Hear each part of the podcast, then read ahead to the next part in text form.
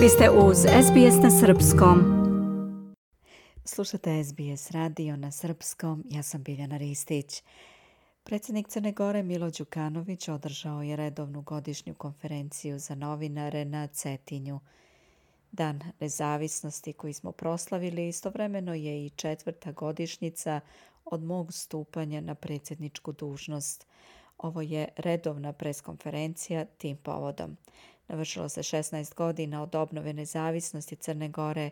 Sve što smo bliži punoljetstvu, smislenije je pitati se koliko smo kao država i društvo postali zreliji, rekao je predsjednik Đukanović.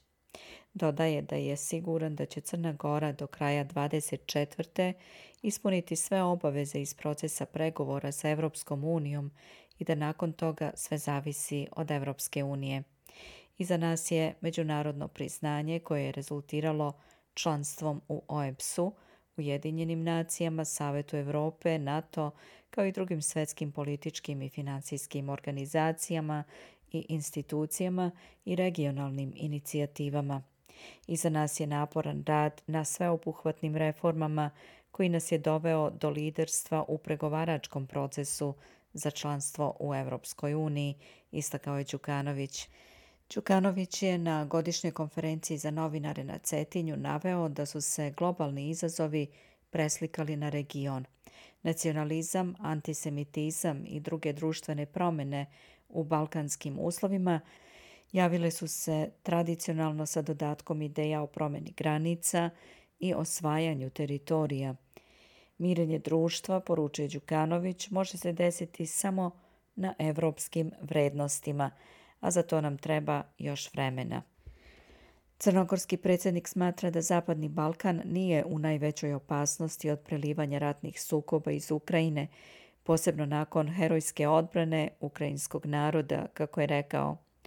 Odgovarajući na novinarsko pitanje, kaže da je saglasan sa ocenom premijera Dritana Abazovića da niko ne može da bude zadovoljan onim što se desilo na Cetinju, objašnjavajući da nema pravo na ponos ni jedan predstavnik državnih organa Crne Gore. Đukanović je također kazao da je važno utvrditi odgovornost svih nosilaca funkcija o tome kako su obavljali posao.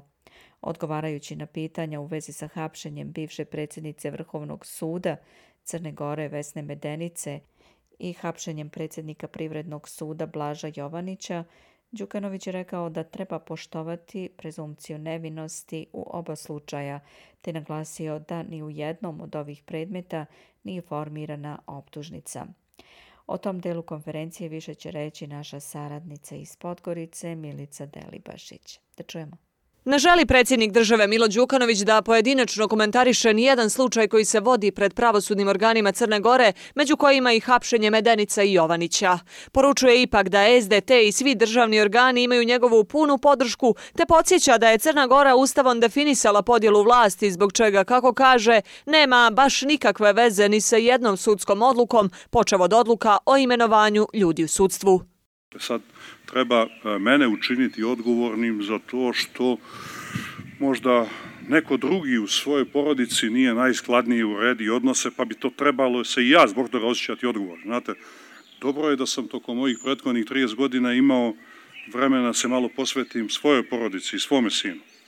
A za ovo ostalo zaista uprkos najboljoj želji ne mogu biti, ne mogu biti odgovoran. Tako da ja mislim da samo stvari zaista treba treba objektivizirati treba pomoći da, da, da, da se fokusiramo na ono što su e, relevantni aspekti za utvrđivanje istine za kojom svi tragamo. A to je da li je neko u prethodnom periodu zloupotrijebio svoju državnu funkciju, da li je neko prekršio zakon, ako jeste, treba da odgovara.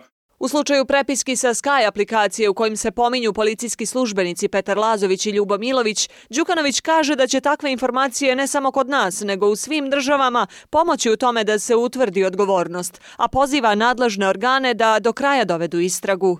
Što se tiče odnosa sa Zoranom Lazovićem, tu nema nikakvih tajni. On je čovjek koji je jako dugo u našem bezbjednostnom sistemu. On je čovjek sa kojim sam imao komunikaciju i sa kojim imam komunikaciju i to nema nikakvog razloga za prekrivanje. Također ono što, što su moja dosadašnja saznanja, ne vidim da se ime Zorana Lazovića igdje pominje u, u svemu ome o čemu smo do sada razgovarali. Govoreći o predmetu Pandora papiri, predsjednik kaže da je ranije postojala komunikacija sa tužilaštvom oko prikupljanja informacija na tu temu, te da je očekivao da će se već pojaviti njihov stav u tom slučaju. Predsjedniče, s obzirom na sva ova hapšenja, strijepite li da biste se mogli naći na udaru državnog tužilaštva? Ne. Zato što radim svoj posao u skladu sa ustavom i zakonom i radim posao sa sviješću da živimo na Balkanu, prepunom onog iskompleksiranog revanšizma o kojem sam govorio u kontekstu mijenjanja izvršne vlasti tokom prethodnih godina i vrlo se trudim da sagledam upravo to, svoj život u onom periodu u kojem neću biti na vlasti, a to znači da svoj posao obavljam besprekorno u skladu sa Ustavom i zakonom i da samim tim sebi garantujem da niko, pa i najzlonamjerniji, neće uspjeti da pronađe ništa što sam uradio na štetu državi.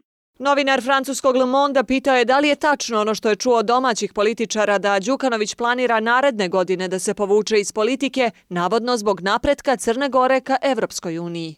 Vjerovatno, računajući da sam umoran i da mi je potrebno da se malo posvetim svojem lagodnijem životu i zdravlju. Zahvaljujem, osjećam se vrlo dobro. Ja njima neću davati savjete šta oni treba da urade u svojoj političkoj karijeri. Jednako tako ne smatram neophodnim da mi bilo ko sugeriše šta ja treba da uradim.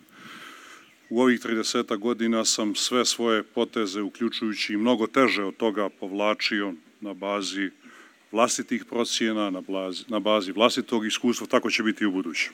Dodaje i da ne vidi vezu između njegove političke karijere i procesa pregovora sa EU, te da nikada nije iz Evropske unije čuo da te dvije okolnosti dovode u vezu. Siguran je i da do kraja 2024. godine možemo ispuniti sve naše obaveze na tom putu, ali ne može da garantuje kako će na tu okolnost reagovati druga strana.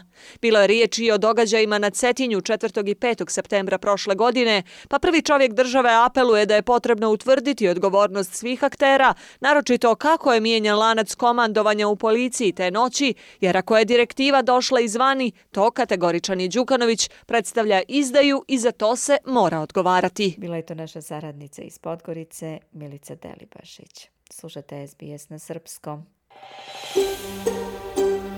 Želite da čujete još priča poput ove?